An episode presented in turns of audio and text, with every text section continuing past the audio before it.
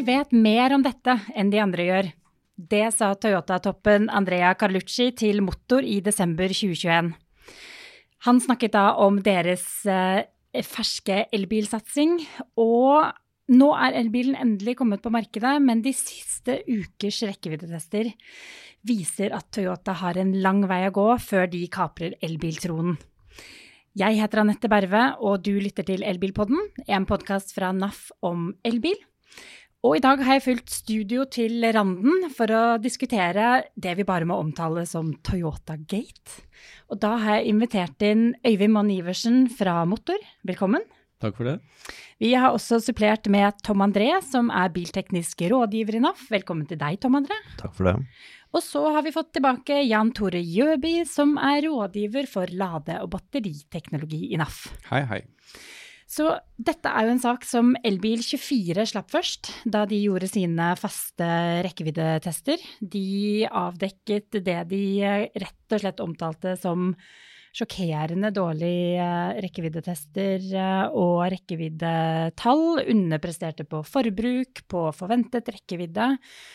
Og det har bare blitt en enormt stor debatt i Bil-Norge de siste ukene. Og Øyvind, dere i Motor har også vært ute med Toyotas uh, rykende ferske elbil BZ4X og tvillingen Subaru, Subaru Solterra.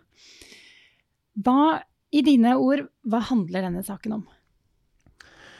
Ja, den saken handler vel i korte trekk om at bilene presterer veldig ujevnt på, på, rekkevidde og forbruk. Vi har jo startet jo da vi fikk disse to bilene sammen, som kanskje det første mediet i Norge som kunne kjøre dem mot hverandre. Så kjørte vi en forbrukstest uh, på rundt 15 mil, i underkant av 15 mil, på i underkant av to timer. Kjørte bilene etter hverandre, startet uh, likt, nullstilte tripptellerne og ja, temperaturer på rundt fem grader. Seks grader kanskje. Og vi kjørte 15 mil endte opp på ladestasjonen på Dal. Og da viste forbruket på Subaru Solterra 24,8 kWt per 100 km, som er et høyt forbruk. Mens eh, eller forbruket til Toyota var 27,2, som da er et uh, skyhøyt forbruk. Og så gjorde jeg denne øvelsen dagen etterpå med, med Toyotaen. Kjørte omtrent tilsvarende under tilsvarende ganske identiske forhold. og Fikk da et forbruk på 19.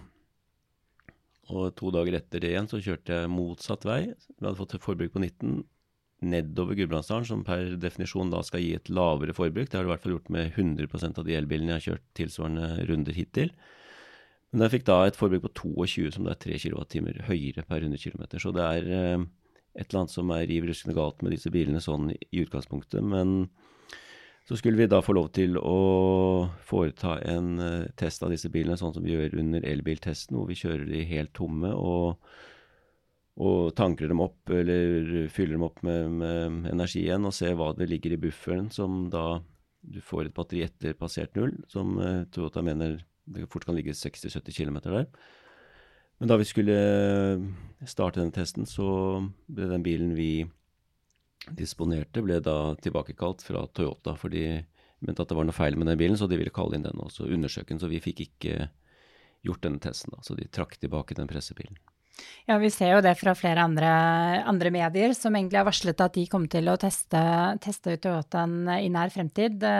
Den omtalen om at testene kommer, har også forsvunnet fra, fra, flere andre medier. Men du er inne på noe av det som er litt essensen her. For det ene er selvfølgelig forbrukstallet. Eh, det skal vi komme tilbake til. Det, vi må forstå litt mer også hvordan det i det hele tatt eh, kan avvike så mye fra WLTP-forbrukstallet. Det andre er jo at dette er også vel så mye en diskusjon om denne bufferen, altså hvilken batterikapasitet har du faktisk tilgjengelig i batteriet. For eh, en av de tingene som da Elbil24 problematiserte, var jo hva er egentlig den faktisk tilgjengelige batterikapasiteten under kjøring. Så du har dette med netto- og bruttokapasitet, og her skal jeg la deg eh, komme inn, eh, Jan Tore, for mm. å forklare hva er, hva er, nettokapasitet, og hva er bruttokapasitet, og hvorfor trekkes det fram når Elbil24 nå har testet uh, rekkevidde? Ja, Forskjellen på brutto og netto. altså Bruttoen det er den teoretiske tilgjengelige energien du har i batteriet. Men hvis du tømmer et batteri helt ut, eller lader det for fullt, så vil du eh, slite det veldig hardt.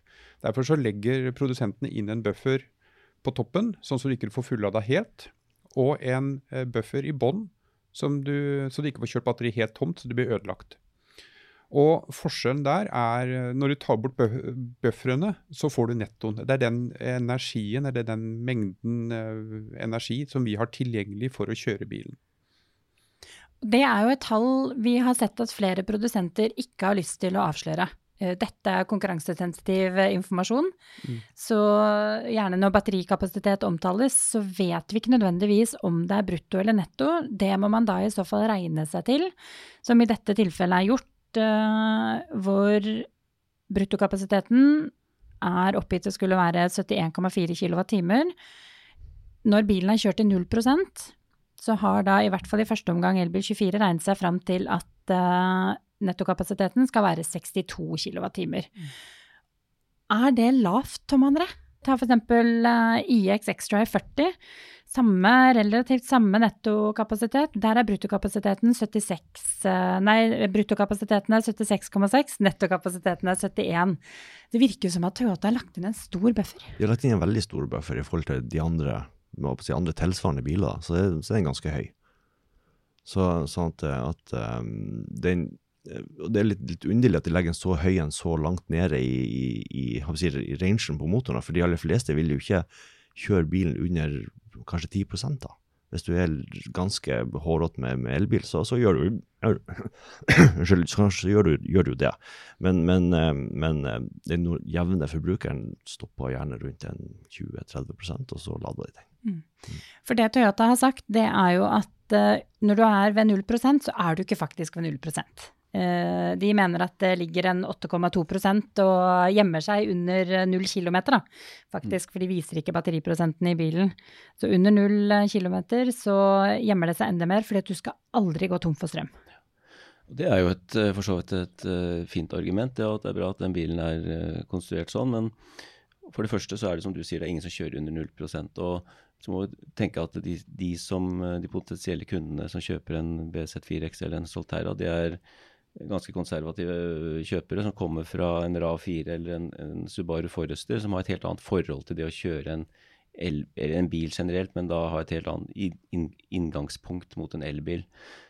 Altså, de vil aldri være i nærheten av å kunne ønske å kjøre en bil ned til null. De vil, eh, når de nærmer seg 10% gjenstående rekkevidde, så får de antagelig litt panikk, og de vil antagelig prøve å lade allerede ved 20-15 Pluss at de da i tillegg får, uh, blir oppfordret til at de ikke skal lade til mer enn 80% Så har du da en, uh, en buffer, da en stor del av batterikapasiteten ligger etter passert 0, 0% så har du da nesten halvert den tilgjengelige batterikapasiteten, eller den reelle praktiske batterikapasiteten sånn i hverdagen. da. Så du sitter jo da igjen med et produkt som, uh, som er langt unna det, det som, som løftene tilsier. Ja, og det å skulle belage seg på å kjøre under null kilometer, du kjører jo i blinde. Eh, og, og, du vet jo ikke, du vet jo ikke du, hvor langt du faktisk kan kjøre da, Så det, det, er jo ikke en veldig god kjøreopplevelse. Nei, og det er jo 100% underkommunisert. Altså, selv vi som uh, jobber med dette daglig, vet jo knapt om disse, disse bufferne. Og vi, ingen vet hva det ligger i bufferen. Nå har jo Elbil24 prøvd å regne seg fram til et, et tall, og det det er en sånn teoretisk størrelse. Vi har jo prøvd jo da å få gjort denne testen på, i denne uka her, hvor vi skal gjøre den tilsvarende rekkeviddetesten vår og få målt dette her skikkelig. Men da ble som sagt da bilene kalt tilbake, da. Men Tom André, eh, disse tallene her som vi ser på når vi leser en reklame for en elbil, eh, Toyota f.eks., BZ4X, den skal ha en rekkevidde på 470 km etter WLTP-standarden. Mm. Hva er da denne WLTP-standarden? Kan du litt sånn på en veldig enkel måte forklare hvordan er det Toyota har fått tak i det tallet? Um, WLTP-standarden er jo på en måte den si, laboratorieøvelsen alle bilmerker eller bil, biler må igjennom da, for å på en måte kunne eh, sette et forbruk, eh, elbilen på rekkevidde og, og forbruk. da. Um, så det er jo en, en, en laboratorieøvelse i, i, veldig gunstige forhold, der bilen kjøres på, på rulle, og man foretar da si, flere eh, sykluser da, i den kjøresekvensen, da, der du har, så, så der du har um, eh, si, akselerasjon, du har eh, nedbremsing, du har rolig kjøring, du har litt kombinert kjøring, og så har du da landeveiskjøring i tillegg. Og derifra henter de ut forbrukstall, man kan også kjøre da en ren rekkeviddetest på de rullene. da. Og i og med at de har såpass optimale forhold, da, så vil man jo da få en forskjell da når man setter bilen på selve veien. da. For da har du da din kjørestil vil jo på en måte påvirke rekkevidden. Um, dekkene du har på bilen vil påvirke rekkevidden. Har du på ekstrautstyr, så vil bilen bli tyngre igjen, som du gjør til å få et høyere forbruk.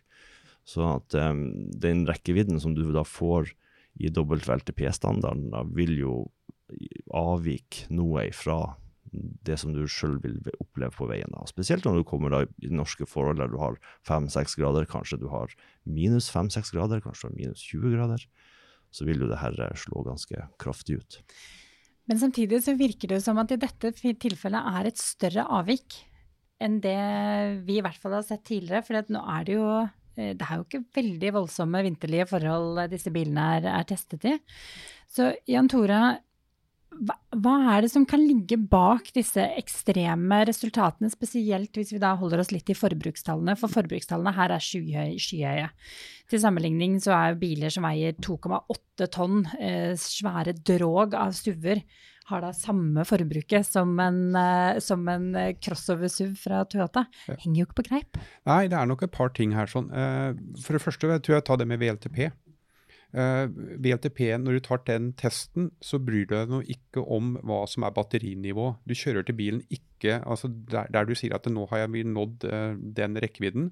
Det er når bilen ikke klarer å opprettholde hastigheten, uavhengig av hva som står på meteret.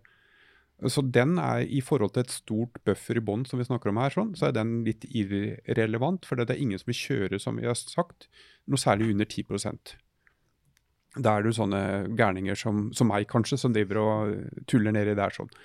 Men når det kommer til eh, Toyota, så tror jeg egentlig det du innleda med, kanskje kan settes på sporet av uh, utfordringen til Toyota.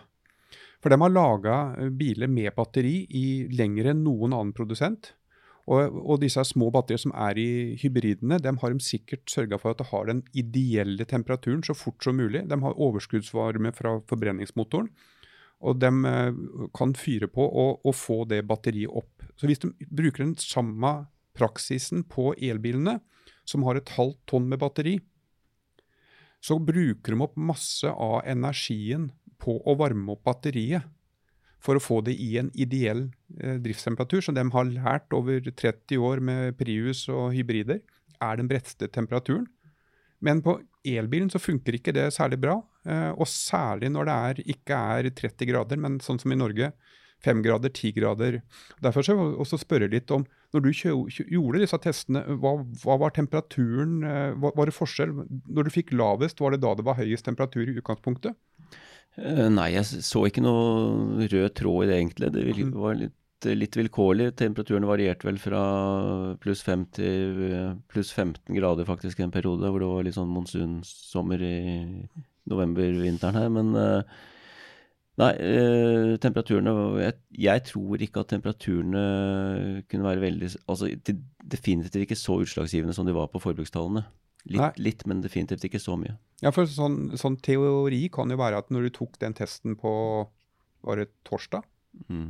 så var det kanskje 5-6 grader. Når du kjørte på lørdag, så var det kanskje 10-15 grader. Og når du kjørte hjem på søndag eller hva det var, jeg er ikke sikker, eh, så var det lavere temperatur igjen. og da, Det kan si litt. Så kan, kan hende det som har vært interessant, er å kjøre to helt like biler. Den ene forvarma batteri på stikkontaktene, og den andre med kaldstart. Se hvor mye det utgjør. Så det kan være litt av fella som Toyota har gått i. Vært litt for flinke. Men er dette her programvare, er dette her program, noe som kan løses med programvareoppdatering? Ja. Enkelt svar. Enkelt svar. Men som du sier, eh, Øyvind, dette her er ikke forbrukstall som eh, du har sett eh, maken til. Og det spriker jo i alle kanter. Det er jo ikke noe god start fra Toyota, som nå endelig da kommer med en elbil som også veldig mange av kundene deres har ventet uh, lenge på? Ja, det er, det er, veldig trist. For uh, mange kunder har ventet på det. Mange i drosjenæringen har ventet på det. For de har jo en etablert oppfatning om at Toyota er driftssikkert og pålitelig, og de har bra serviceapparat. og det det er, det er, ikke så mye som tilsier at de ikke skal ha det lenger på sikt. Vi snakker jo litt om oppgraderinger og nybegynnerfeil her, eller barnesykdommer som vi også kaller det. Og det har vi jo sett på en rekke andre elbiler som etter hvert, altså ID3 og Polestar 2 og, og Volvo XC40 og andre som har blitt kommet ut med en del problemer, som er blitt bra etter hvert, og i dag fungerer, fungerer utmerket. Og det tror jeg vil skje med, med, Toyota også. Men det er som vi sier her, at de, de kom, kom sent på banen, og når de først kom, så så kom de med hatter og fanfarer og konfetti, og de skulle ha det laveste forbruket, og de skulle være ekstremt gode på de temperaturene vi her i Norge tester bilene under. Og foreløpig så har de jo ikke levert på noe av det. Da ble fallhøyden kanskje litt vel stor med den, eh, med den pressemeldingen og, eller pressekonferansen i desember. Men dette her aktualiserer jo også veldig hvorfor det er viktig å fortsatt følge med på rekkevidde av forbruk, og fortsatt måle det. For uh, NAF og Motor tester jo rekkevidden og ladehastigheten og forbruket til alle de nye elbilene til meg på markedet to ganger i året. Og vi skal jo gjennomføre en test i vinter, i februar. Men veldig mye av tilbakemeldingen vi får kanskje, kanskje fra ihugga elbilister, er at vi er ferdig med å teste rekkevidde. Er vi ikke det? Er ikke elbil så mye mer enn rekkevidde? Det er andre ting som er viktigere. Og det er jo ikke relevant å kjøre bilene tomme for strøm, for det er det jo ingen som bryr seg om. Men dette aktualiserer jo hvorfor det er så utrolig viktig å fortsatt faktisk følge med på hva produsentene slipper på markedet, for dette er fortsatt et umodent marked. Ja, jeg mener at det, det vi ser fra Toyota og, og for så vidt Subaru her, aktualiserer vår rekkeviddetest ytterligere. Det er, det er, som du sier, vi får litt, litt, kritikk, og kanskje det vi får mest kritikk for, er jo at vi faktisk kjører disse bilene helt tomme, og hvem, hvem gjør det? Men når da Toyota markedsfører denne bilen mer eller mindre med en, en buffer som skal gi deg en sikkerhet etter at du har gått i null, og så vet man ingenting, og kundene vet absolutt ingenting om hva den bufferen faktisk inneholder, så aktualiserer det jo vår test og faktisk finne ut hva, om du kan kjøre tre mil eller kanskje ti mil etter at bilen per definisjon har gått i null. Mm. Det blir jo spennende å se om vi får lov til å ha den med i rekkeviddetesten. Det, det krysser, vi, krysser, vi, fingrene for. Men, men Tom André, eh, bilteknisk rådgiver i NAF, du sitter og har dialog med medlemmene våre hver dag. De ringer deg for å få hjelp til eh, kjøp av elbil, eh, hvis det er noen tvister i forbindelse med kjøp. Og dette er jo da en type sak som gjør at kanskje veldig mange kunder han, som kanskje nylig har signert en kontrakt, Eh, blir litt bekymret. Hva, hva, har de i så fall av rettigheter i, et, eh, i en sånn her type tilfelle? Ja, altså det er jo akkurat sånn på den bilen her så har vi ikke hatt sånn veldig mye, men, men vi hatt noen som har spurt litt rundt det. Og, og, det er jo klart at eh, man har jo signert en kontrakt med forhandler, og man er jo litt bundet av den, da. Um, og jeg tenker at hvis man nå er litt bekymra for de resultatene som man leser om i de, alle de si, testene som blir gjort, og man på en måte får litt uh, av dette, hva har jeg nå kjøpt nå, ikke sant, hva skjer? Så, så tror jeg aller først man tar en liten prat med forhandleren sin, og, så, og, og drøfte de usikkerhetene man på en måte føler på. Uh, og ha en dialog med, rett og slett med selgende firma, eller selgeren, da, om akkurat det her som vi opplever her nå. For vi, vi, vi, vet jo ikke helt hvordan en på visa egentlig kommer til å, å bli, da. ikke sant? Men sånn, sånn, i forhold til rekkevidden videre fremover, og sånt, hvordan kanskje bilen vil um, At kommer software-rapporteringer som på en måte håndterer dette her, sånn at det egentlig kanskje ikke er så veldig stort problem uh, i slutten av neste år, kanskje, eller noe sånt. da. Um, men det er klart, Hvis man absolutt skal gå ifra en kontrakt, da, så, så, er det noen klausuler som man må, måte, må tenke litt på. da, sånn som man må, kan at man må kanskje betale seg ut av den, rett og slett. Så, men eh, vi har jurister her på kontoret som også, og advokater som kan bidra til å, å, å, ta en sånn diskusjon også, hvis man ønsker det. Er det generelt uh, mange som har tatt kontakt med dere opp gjennom årene rundt uh, liksom forventninger rundt rekkevidde som ikke er blitt uh, innfridd? Um, ja, vi hadde en del diskusjoner rundt det. Um, der um, folk gjerne leser av den estimerte rekkevidda i bilen da, etter at de har ladet den opp til 100 da. Og så, så legger den kanskje til grunn til det du har, sånn som du har kjørt den før da, så har du kjørt på motorvei litt hardt, så har man et veldig høyt forbruk, og så plutselig så viser den da kanskje 30-40-50% mindre enn det som er da oppgitt fra fabrikanten. da, ikke sant? I tillegg til at den dobbeltfelte P-rekkevidden er litt er positiv. da. Eh, og så har man da kanskje litt hard kjøring, og så blir kanskje differansen litt for stor. Og så blir det en diskusjon om hva er det egentlig den bilen her kan levere av, av, av rekkevidde. Det er ikke det blitt lovt. Så det er en diskusjon vi kanskje nesten har litt uh, daglig egentlig med, med, våre medlemmer. Så den informasjonen er helt klart noe som fortsatt må ut til, uh, ut til kjøperne. Vi, vi, kan jo også ta og snakke om Dere fikk jo en del timer uh, bak rattet i disse bilene. Så for å snakke om noe mer enn bare rekkevidde. Hvordan var kjøreegenskapene?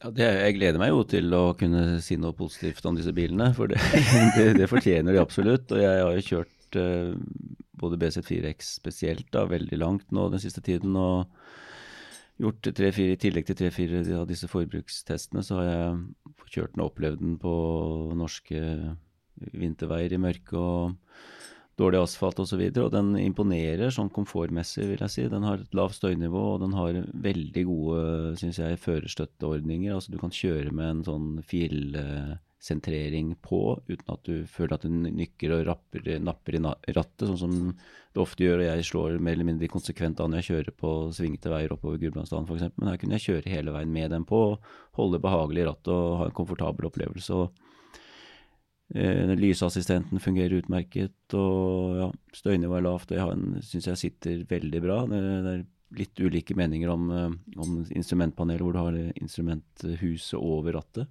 Men jeg personlig liker det veldig godt og har aldri sittet bedre enn Toyota. Knapt nok en annen bil i den eh, kategorien der, så den har absolutt sine gode sider. Det lover godt. Tom André, mm. du uh, fikk også lov til å være med på kjøreturen. Deler du Øyvinds uh, erfaring? Ja, i, i, i, stor grad så gjør jeg for så vidt det. Um, sånn kjøremessig sett så er den jo en behagelig bil. Um, der er, der er um, uh, ja, sånn styr, altså, vi kunne, jeg, jeg var jo med på å kjøre forbrukstesten vi hadde, og så kjørte den litt etterpå. Og da må du kjøre litt rolig. Og, og, og, da kan jeg ikke på en måte gjøre sånn skikkelig uh, sprell med den. Uh, men, men, det som jeg kjørte den, så ja, støtta veldig opp om det som, som, som Øyvind sier. Jeg var veldig fornøyd med bilen sånn sett, altså. Uh, veldig overraska over det høye forbruket, for det var litt sånn merkeverdig. Men utover det så, så likte jeg bilen, rett og slett. Mm. Men Toyota har jo også, som jeg har skjønt på dere, valgt en, uh, en tilnærming til å vise informasjon om uh, batteriprosent og rekkevidde på den litt mer konservative måten, som jo da er med å bare oppgi dette jetometeret, kilometeranslaget, som anslår hvor langt du kan kjøre basert da på egentlig tidligere, tidligere turer. Mm. Og batteriprosenten vises mer med denne liksom nesten klassiske tankmåleren, bare at den er i prosent, eh, prosentvisning, så du får ikke det presise prosentanslaget. Nei, du får, ikke noe, noe prosentanvisning i det hele tatt. Den tankmåleren er bare en tankmåler som blir, eh, går lavere og lavere. Skal du ha en prosentvisning, så må du ha en, opprette en app det må du både på Subaru og Toyota, og i den appen så får du da opp prosenten batteri. Men den må oppdateres hver gang du skal ha opp den batteriprosenten. Da må du trykke på oppdatering på appen, og så tar det 15-20 sekunder. Og det er ikke Jeg vet ingen som anbefaler at du skal gjøre det under kjøring, i Nei, det tror jeg kanskje vi må si at det er ikke trafikksikkert. Men det med å vise, gjøre eh, batteriprosenten tilgjengelig for brukeren, eh, jeg hører jo at noe av motargumentene fra produsentene er at de vil ikke overkomplisere informasjonen. De vil at du skal oppleve å kjøre bilen som en helt vanlig eh, bensin- og dieselbil.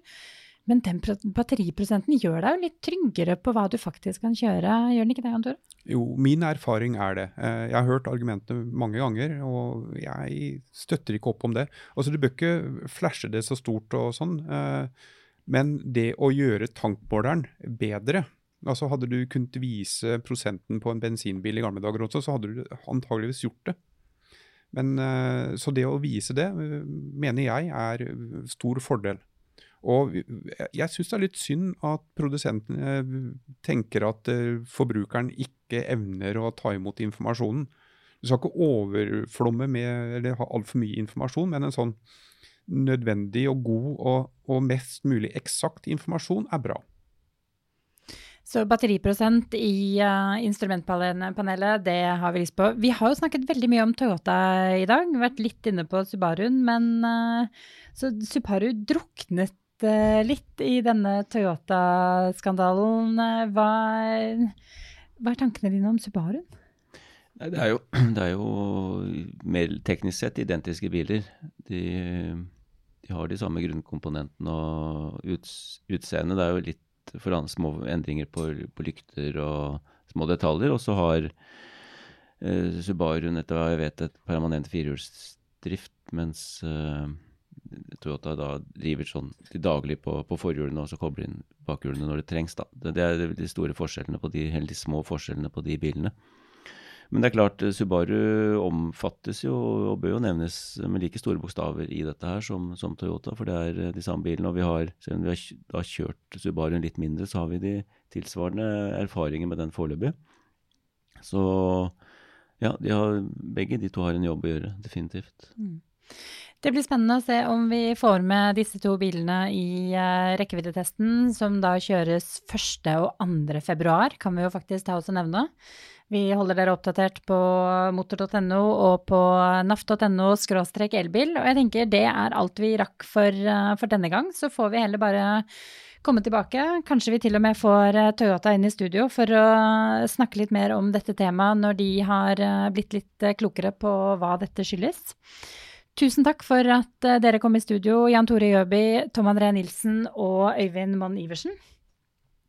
Jeg heter jo da altså Anette Berve og drar dere gjennom eh, Elbilpodden ukentlig. Husk at du kan abonnere på denne podkasten i alle tilgjengelige podkast-apper, som Spotify, og du kan se oss på YouTube. Du må gjerne følge oss på Facebook på NAF Elbil, hvor du kan sende oss en melding på Messenger hvis det er noe du lurer på, eller du har forslag til gjester eller tema. Som alltid er det Peter Fjellgren som sørger for at vi eh, ses og høres. Vi er tilbake om en uke. Ha det godt. Ha det godt.